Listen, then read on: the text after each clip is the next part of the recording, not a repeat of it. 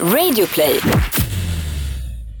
Lars Vilks är konstnären som tvingats vänja sig vid konstant livvaktsskydd.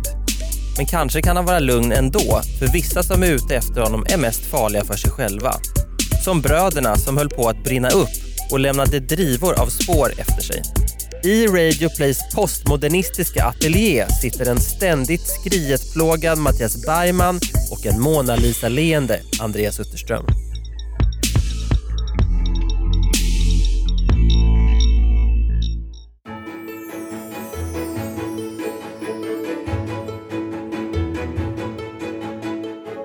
Det finns konstnärer som harvar på år efter år utan att väcka särskilt mycket känslor. De gör skulpturer som hamnar utanför kommunhus eller väggmålningar på högstadieskolor med portionssnus i taket. Men så finns det andra som tycks drivas av, eller i alla fall inte skygga för, att reta upp folk. Lars Vilks är en av dem. Redan i mitten av 70-talet började han jobba med skulptur på konceptuell grund, som Nationalencyklopedin beskriver det. Andreas, kan inte du förklara lite grann vad skulptur på konceptuell grund är? Nej, det kan jag nog inte riktigt. Men eh, det är ju eh, någonting annat än att det bara ska vara någonting fint för kulturtanten att titta på. Ja, det är inte tjurar som ser ut som tjurar. Det är mer eh, ved som inte ser ut som någonting. Ja, men ändå eh, ganska rolig tanke bakom. Och det, eh, ibland i alla fall med, när det gäller Lars Vilks. Men det kommer vi till alldeles snart. Två av Vilks mest kända och omstridda verk är drivvedskonstruktionen Nimis och stenskulpturen Arx. Det uttalas så? Jag tror det, eller ARX möjligen. Jag vet inte. Hur, hur tar vi reda på det? Eh, Det är väl ett konstprojekt bara det. Alltså, vad, eh, Arx. ah, ja, ja. Ja, Vi kommer inte bli hängda för det. Det är två gigantiska verk som resulterat i domstolsprocesser. Vilks har nämligen uppfört dem i naturreservat i Skåne. Han skulle alltså själv ha kunnat bli en misslyckad brottsling. Men Vilks hävdar att den sex meter höga skulpturen Arx i själva verket är en bok. Formellt utgiven av hans förlag Nya Doxa i Nora. Jajamän, min gamla hemstad såklart. Ja, men du har ju inte skrivit någon bok på det förlaget. Icke. Nej. Och frågan om intrång i naturreservatet har blivit riktigt krånglig. Ett annat av Vilks konstprojekt är skapandet av Ladonia som har utropats till en självständig stat med en storlek på en kvadratkilometer. Tycker jag faktiskt att det här är ganska roliga Ja, ja, ja. konstprojekt. Med, med tanke på, eh, alltså det här går jag igång på mycket mer än eh, rysk konstnär leker hund och biter besökarna i benet. Ja, Jag kan ändå tycka att det här är, det är roligt att vara öppen för det här. Det är så lätt att man blir så här, ja, eh, man fattar ju inte vad det är. Det är inte konst. Det är ju så otroligt fånig diskussion. Det väcker ju känslor det här. Ja, och väldigt roligt att säga att bara, det här är en bok. Den är faktiskt formellt Ja. utgiven. Så nu, nu kan ni liksom inte säga att det ska rivas, eh, för det är ett litterärt verk. Det är kreativt. Ja, det tycker jag också. Men för den stora allmänheten blir Lars Vilks ett namn som man lägger på minnet först 2007. Då publicerar tidningen Närkes Allehanda teckningar av Lars Vilks där profeten Muhammed framställs som en rondellhund.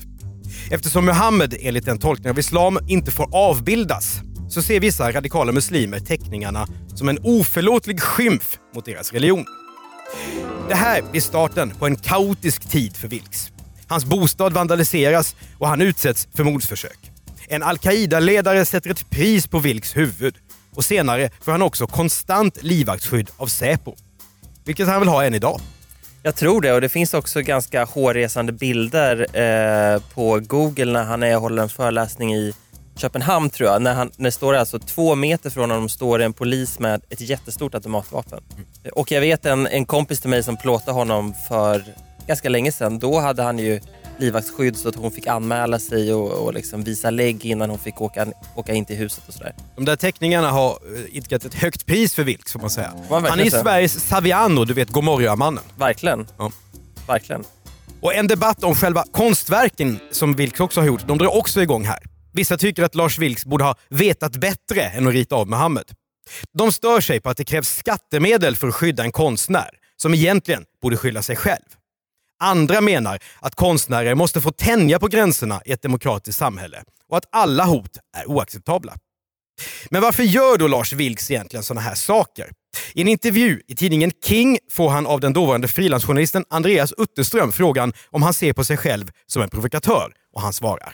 På ett sätt gör jag det, för den som arbetar med gränsöverskridande konst blir automatiskt en provokatör. Däremot har jag ingen roll som provokatör utanför den ramen. Lars Vilks låter sig inte tystas eller skrämmas. I tidningarna ställer han upp på bild hemma i sovrummet och visar upp en yxa. Och här blir det ju... Alltså han är ju inte den som väjer för medierna. Dessutom har han ju något av en galen blick, så att de här Ja. bilderna är ju helt absurda. Ja. Och han har också en skånsk dialekt som liksom adderar på hans... Den är ju eh, oförlåtande. Ja. Alltså, alltså Ja. mot omgivningen, jag har ingenting med honom att göra. Men han, han eh, som sagt, han viker ju inte ner sig den här Nej, han gör ju inte det. Alltså det finns sådana skriftliga och alltså, sms och allt möjligt hot. Jag har ju en stor, stor samling av det. Va? Och eh, i början så, så tar man det på färdigt allvar. Alltså, man förstår ju att så länge man får in saker och ting i maskinen så händer ingenting. Den här yxan har Vilks vid sitt nattduksbord för att kunna försvara sig mot inkräktare. Och om det här säger han i Andreas intervju. Jag tycker hela historien om dödshot och bevakning visar hur vårt samhälle fungerar och ställer viktiga frågor om demokrati och yttrandefrihet på sin spets. Men hade jag haft familj och barn som hamnat i skottgluggen hade jag kanske resonerat annorlunda.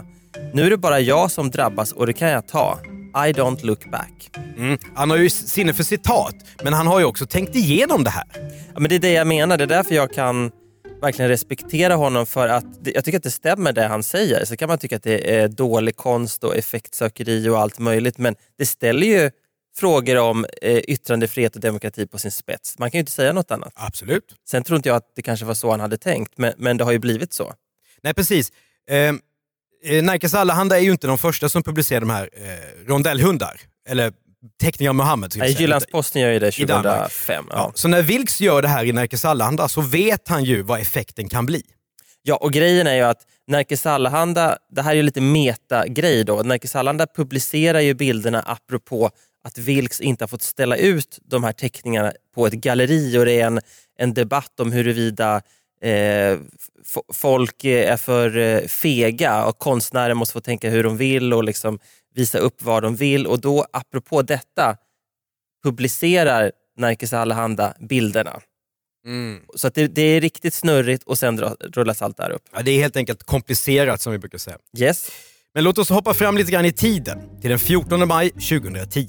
Det har då gått tre år sedan Nerikes Allehanda publicerade de här famösa teckningarna. Lars Vilks lever fortfarande under dödshot. Han bor ensam i ett ensligt beläget hus i Skåne med sin yxa. Men den här dagen åker han iväg och övernattar på ett annat håll. Och det är ju väldigt tur för honom ska vi snart komma till. Verkligen. För dagen efter, på förmiddagen den 15 maj, så ringer Vilks mobiltelefon. Det är en bekant till honom som har sett brandskador på hans hus. Vilks ringer polisen och åker hem. När han kommer fram upptäcker han att det har brunnit inne i huset, men att branden har slocknat av sig själv.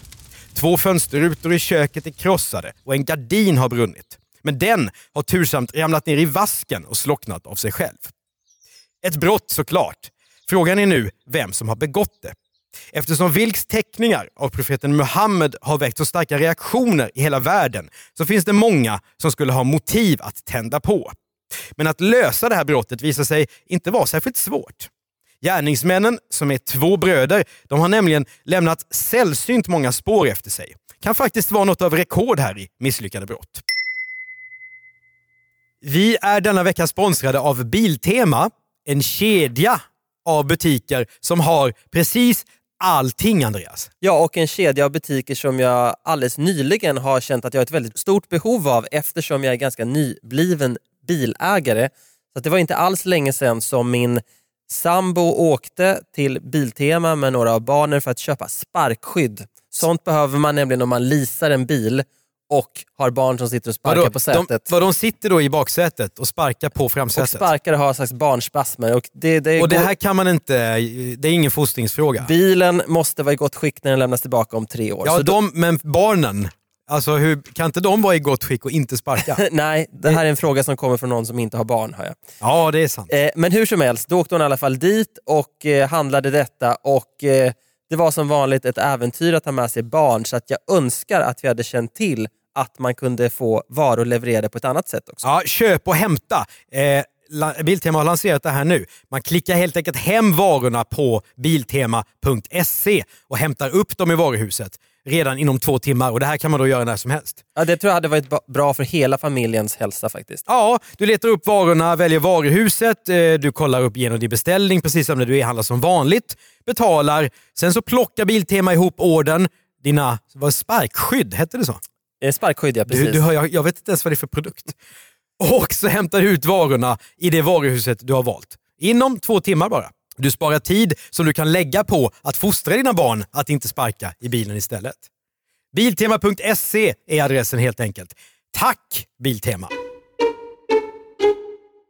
Vi sponsras denna vecka av Best Secret, modesajten som har 3000 exklusiva varumärken och här får man alltså mellan 20 och 80 procents rabatt. Och jag har ju nu bestämt mig för att köpa någonting till Mattias och det var inte så lätt.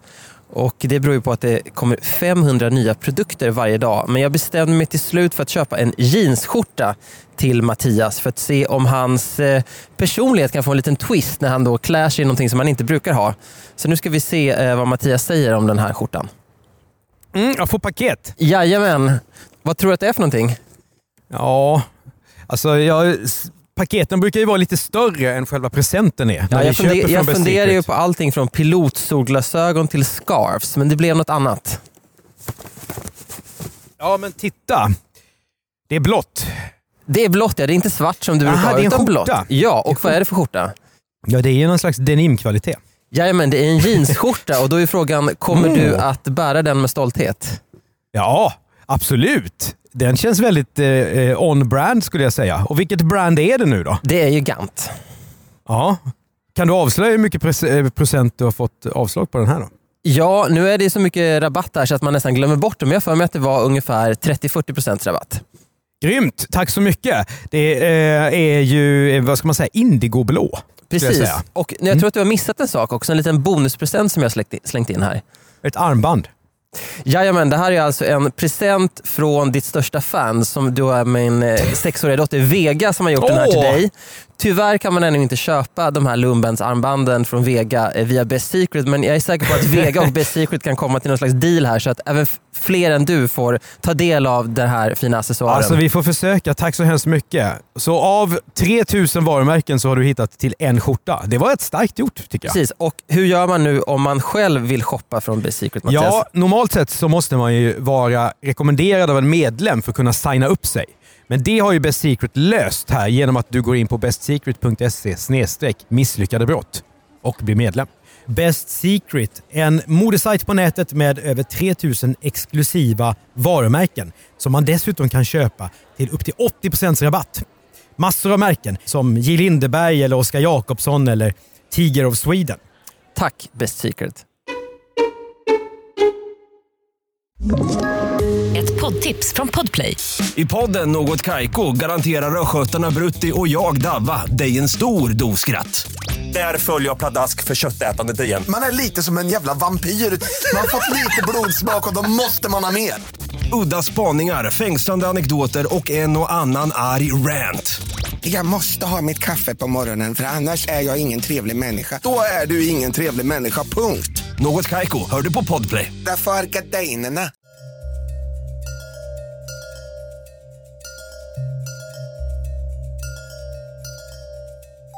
Vilka är de här bröderna? Ja, de bor bägge i Skåne. Storebror är 21 år gammal och lillebror 19. Båda är muslimer och utredningen visar att i varje fall storebror är mycket upprörd över att Lars Vilks har tecknat profeten Muhammed som rondellhund. Och nu vill han hämnas. När och hur de två bröderna tar sig ut till Vilks bostad är oklart eftersom ingen av dem är särskilt samarbetsvillig, varken under förundersökningen eller under rättegångarna. Men att de har varit på platsen råder det inga tvivel om. Bröderna de krossar en köksruta, sprutar in bensin och tänder på gardinen. Branden sprider sig till köksskåp, vägg och tak. Men sen är det något som går fel. Kanske begår bröderna ett misstag, kanske är de bara nervösa. För själva blir de brännskadade och tvingas hastigt lämna platsen. När polisen gör sin tekniska undersökning på platsen så blir det en sällsynt fullträff. Kriminalteknikerna hittar nämligen En svart jacka som kan knytas till lillebror. körkort, medlemskort från Islamiska föreningen, medlemskort från gymmet Fitness 24 och ett bankkort från Swedbank som alla tillhör lillebror. En jacka som kan knytas till storebror. Ett exemplar av Koranen. Ett noteringshäfte från Markaryds Sparbank. Vem använde noteringshäfte vid den här tiden? Storebror gör det i alla fall. En kallelse till Folktandvården. Tre stycken nycklar. Varav en till bostaden där bröderna bor tillsammans med sin mamma. Och ett bankkort från Swedbank. Och allt det här kan alltså knytas till storebrodern. Bevisläget är gott då kan man säga. De här kriminalteknikerna måste ju ha skrattat. Ja, för det här är, när, ibland när jag ska förklara vad den här podden är för någonting, då brukar jag säga att den handlar om så som brottslighet ser ut på riktigt. Till exempel att folk glömmer ID-kort på brottsplatsen. Men Jag, jag tror att det här är det första gången vi faktiskt har, har haft ett exempel på det i Ja, men- säsong 6. Och med det å andra sidan i kubik. Verkligen. Eftersom det inte bara är, det knyts inte bara till dem och till deras, till deras att de har gjort det ihop. Det knyts ju också till deras åsikter. De har till och med Koranen med sig när de ska bränna ner Vilks hus. Exakt, folk har ju torskat eh, på hårstrån och snuspriller och lite lite blod och allt Ja. möjligt. Här är det liksom medlemskort och körkort och, och eh, bankkort och hemnyckel och hela köret. Ja, vad var det du sa? Ett eh, positivt eh, spaningsläge. Ja, får man säga. Polisen hittar också två petflaskor med motorbensin. Och i Lillebrors jacka finns det också en fungerande tändare. Till saken hör också att Lillebror just brandnatten den 15 maj uppsöker sjukhuset i Helsingborg med en svår brännskada. Personalen på akuten klipper upp hans byxor för att kunna kyla ner benet och känner då en stark lukt av bensin. Storebror har också lindriga skador på handen. Polisen kan genast gripa bröderna. När de söker igenom storebrors rum upptäcker de att hans dator är inloggad på ett islamistiskt forum på nätet. En annan flik i webbläsaren visar en artikel där Helsingborgs Dagblad skrivit om en brandbomb mot Lars Vilks. Klassisk gärningsmannagrej, läsa om sina egna brott. Ja, det är det va? Ja, Det är den lilla narcissismen i brottsligheten. precis. Och en senare undersökning visar också att den som har använt den här datorn dessutom har gjort många sökningar om Lars Vilks. Då går vi ifrån att spaningsläget till själva bevisläget är fantastiskt. Verkligen. Ja. Kort sagt är det här målet ingen svår sak för Helsingborgs tingsrätt. Bevis finns det så att det räcker och blir över. Vad säger då bröderna själva? Kanske är det lika bra att erkänna och ta sina straff? Nej. Lillebror hävdar att han har fått brännskadorna efter att ha varit och grillat utanför Landskrona. ja, vad ska man säga? Det är, ju, det är ju väldigt sällan man grillar med liksom flera liter bensin, eller jag vet inte. Jag har i alla fall aldrig grillat med bensin. Det kanske är någon skånsk metod. Ja, Eh, Lillebror kan inte säga namnet på någon som har varit med vid den här grillningen. Vilks bostad har lillebrodern överhuvudtaget aldrig besökt, hävdar han. Möjligen har någon av dem som har varit och grillat snott hans jacka med alla sakerna och därefter åkt hem till Vilks. Storebrodern då? Ja, han förnekar också att han varit på brottsplatsen. Han hävdar att han har besökt moskén och därefter åkt hem. Men varför har hans kläder och saker då hittats utanför Lars Vilks bostad? Detta vet inte storebror, men han berättar att allt det där har stulits för flera månader sedan och att han inte sett till sina grejer sedan dess. Att Lars Vilks inte var hemma vid tidpunkten för attentatet är en slump. En av hans två bilar har stått parkerad utanför huset, så gärningsmännen har sannolikt trott att han har varit hemma. Dessutom var det ren tur att köksgardinen själv slocknade. Hade den inte gjort det hade branden enkelt kunnat sprida sig till hela huset, visar den tekniska undersökningen. Tingsrätten dömer båda bröderna för försök till mordbrand. Det är ju ett mycket allvarligt brott. ja det är det. Ja.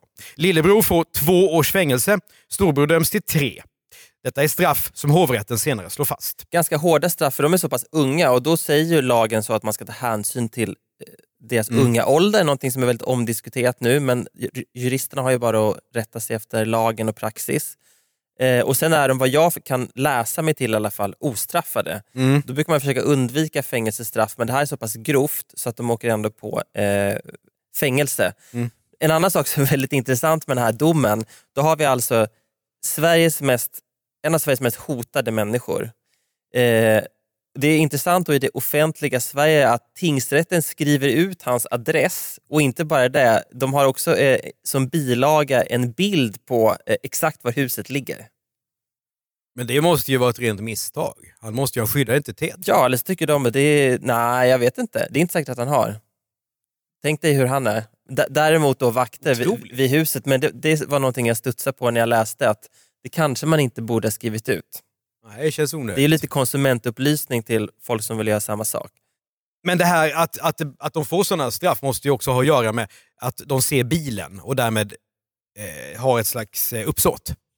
Ja, Om bilen att, inte varit hemma kunde de ju anfört att de trott att han inte var hemma och bara ville bränna huset. precis, sen, men sen också att de, att de, eh, de sprutar in så pass mycket bensin Ah. och, och sen eh, fjuttar på och eh, det är också helt uppenbart vad, vad motivet har varit. Ja. Alltså de har velat skada honom så mycket som möjligt. Och om inte jag minns fel så har han sitt eh, eh, sovrum på ett sånt sätt till så att han hade kunnat bli fångad av den här branden. Så att det här kunde ha gått riktigt illa. Trots yxan. Trots yxan. ja. Vilks kan ju lära sig något av detta. För att jag tänker också på att, att, att bemöta motstånd med yxa, det kräver ju teknik. Ja, och men nu, slåss med yxa är inte det enklaste. nu har han beväpnade Säpo-vakter. Jag tror att Lars Vilks har tittat på Die Hard lite för ofta. Ja. Ja. Lars Vilks, ja han fortsätter dessvärre att leva farligt. 2014 döms den arbetslösa alkoholisten Colleen LaRose, mer känd som Jihad Jane, i amerikansk domstol för att ha planerat att ta livet av honom. Året efter, 2015, är Vilks på besök i Köpenhamn för att göra ett framträdande när en terrorattack inträffar. En person skjuts ihjäl och flera skadas. Lars Vilks klarar sig, även om det är han som är den troliga måltavlan. Är det den här föreläsningen du eh, åsyftade i början? Jag tror För att det, är finns samma. ju bilder därifrån. Ja, precis. Jag tror att det är samma. Eller om, det här, om den här jag har sett bilder från är någon efter, så man har ännu högre säkerhet. Ja. Hur länge kommer Lars Vilks att orka leva så här? Är det inte dags att ägna sig åt mindre riskfylld konst? Om nu det hjälper. I Andreas Utterströms intervju som vi citerat ur tidigare, där får Lars Vilks frågan om vad som ska till för att han en dag ska tröttna på att vara kontroversiell och istället måla ofarliga akvareller av solnedgångar och tjädrar istället. Lars Vilks svar. Det kommer aldrig att hända. Visst måste man som konstnär göra en, en del beställningsjobb för att få in pengar, men att inte driva egna projekt, det vore som att lägga sig ner och tänka, nu har jag gjort mitt. Du har hört ännu ett konstnärligt avsnitt av Misslyckade brott av Andreas Utterström och Mattias Bergman. Exekutiv producent Jonas Lindskog. En podd för Podplay. När vi inte gör den här, Misslyckade makthavare, misslyckade affärer och Jag var där för Podplay så kan du också lyssna på Världens bästa innehåll. En podd från vår specialistbyrå för innehåll, Commercial Content. Den meningen. Den var, den var rekordlång. Prenumerera och betygsätt gärna på den här podden så är det fler som hittar till den. Och tipsa oss om case som vi kan prata om i Misslyckade brott. För då blir det fler avsnitt kan vi nästan lova. För den här säsongen bygger ju nämligen på era tips. Ni mejlar gärna till misslyckade.bplus.se.